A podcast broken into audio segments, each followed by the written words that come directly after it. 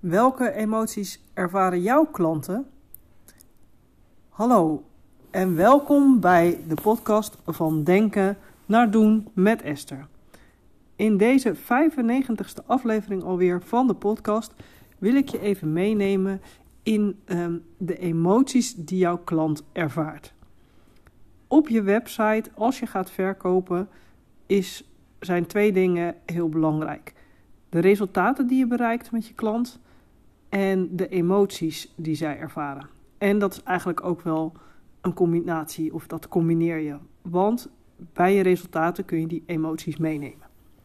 En afgelopen dinsdag had ik een workshop. Uh, iedereen kan tekenen bij een netwerk, uh, het Albedo-netwerk, waar ik lid van ben. En het was wel weer echt super leuk om op deze manier naar je bedrijf te kijken. Wat wij gingen doen was een uh, voor en na of een zonder en met versie van jouw klant tekenen. En dan uh, zijn echt simpele tekeningetjes. En um, de, de, illustrator die deze workshop gaf, die deze workshop gaf, haar specialiteit is om daar emoties in mee te nemen. En dat is iets wat de laatste tijd bij mij vaak voorbij komt. Wat heel belangrijk is om uh, he, jou, de bezoeker van jouw website, de bezoeker van jouw salespage mee te kunnen nemen in het resultaat. Um, is dat je die emoties gebruikt. En um, hoe gingen wij dat dan afgelopen dinsdag doen? En welke manier ik dus ook jou mee wil geven in deze podcast, is dat we gingen kijken naar uh, de situatie die jouw klant doormaakt. En je kon daarin uit twee dingen kiezen, die voor mij niet altijd heel erg een duidelijk verschil waren. Dat moet ik eerlijk toegeven.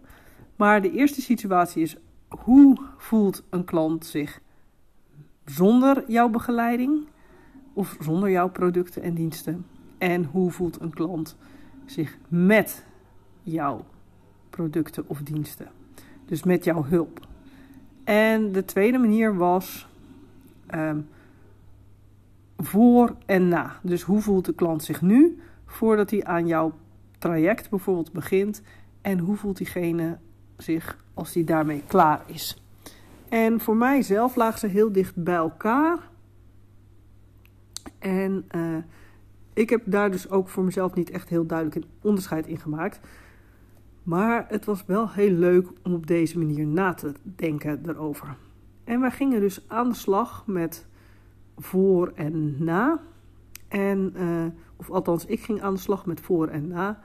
En uh, de emoties die ik uh, getekend heb.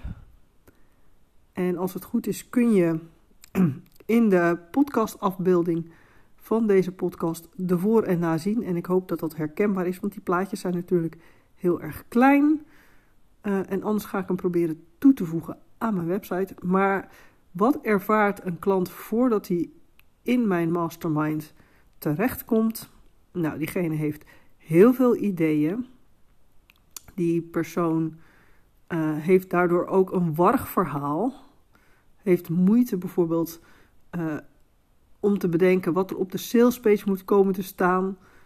Um, ik heb daar ook weer een mooi voorbeeld van. Dat met een klant afgelopen maandag. Zij had een traject van duizend dagen bedacht. En in, in dat traject, het ging over kinderen en voeding, had je dan uh, ja, de fase van de zwangerschap, de fase van 0 tot 6, de fase uh, eh, 0 tot 6 maanden, de fase van 6 tot 12 maanden, de fase van uh, 1 tot 2 jaar. Nou, als je daarmee, hè, dat zijn eigenlijk allemaal verschillende fases van jouw klant, in dit geval, van haar klant. En het is dus heel moeilijk om je verhaal te schrijven als je zo'n uh, groot idee nog hebt, als dat nog helemaal niet helder is waar je precies voor wilt gaan staan. En dus wartaal is voor mij eentje van tevoren. Uh, iets wat ik veel hoor is dat mensen in frustratie bijna hun laptop het raam uitgooien. En, uh, ja, en dat ze dus heel veel ideeën hebben. Volgens mij had ik die al gezegd. Nou ja, in ieder geval, dat waren de dingen die ik in mijn uh, voortekeningetje had gemaakt. en als je dus in mijn mastermind stapt en met mij aan de slag gaat, hoe voel je je tijdens slash daarna? Uh, nou, je hebt een helder plan, dus eigenlijk heb je gekozen voor één van jouw ideeën. En ik zeg gelijk, het kan best zijn dat je die andere ideeën ook gebruikt in een later stadium of uh, op een andere manier inzet. Dus het is echt niet zo dat je al je ideeën in de prullenbak gooit. Maar je gaat voor dit moment één idee uitwerken. Uh, je gaat samen zelf aan de slag aan je sales page online programma, wat jij nodig hebt om te kunnen verkopen. Je voelt je krachtig omdat je uh, weet, hè, je hebt een keuze gemaakt, dus je komt in actie, je bent weer lekker uh, op stoom. En uh, je hebt een helder verhaal, want ik maak het met jou heel simpel wat je nu wil aanbieden. Je kiest en vervolgens kun je ook heel duidelijk op jouw website of in een gesprek uh, met een potentiële klant kun je heel duidelijk vertellen waar het om draait. En uh, we gingen dus aan de slag met het tekenen van die emoties. En uh, nou, een van de tips die je kunt gebruiken voor gezichten, hou het simpel.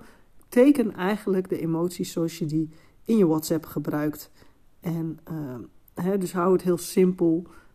Een andere tip die we kregen is als je vierkanten of cirkels tekent, zorg dat het gesloten is, dat, het niet, uh, dat er geen open eindjes hebben, want dat leidt af. En het hoeft dus zeker niet mooi te zijn of je hoed, moet er goed voor kunnen tekenen. Nou, voor mij, je kan natuurlijk zelf kiezen of je met dit soort tekeningetjes aan de slag wilt gaan. Dat hoeft natuurlijk helemaal niet. Maar even voor jezelf opschrijven welke transformatie jouw klant door gaat maken op het moment dat ze met jou aan de slag gaan. Dat is echt wel een fijne tip.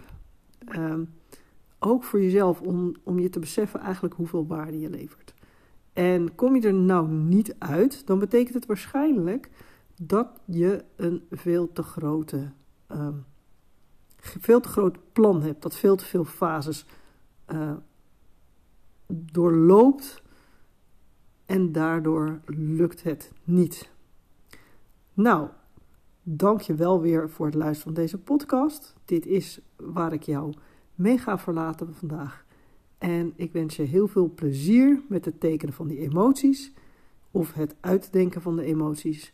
En kom je er nou niet helemaal uit en is jouw plan nog veel te groot, waardoor het een wartaal is en uh, je geen ja, eigenlijk nog in allerlei ideeën rondzwemt en geen krachtig idee hebt van hoe kan ik nu verder, dan ga ik natuurlijk graag met je in gesprek.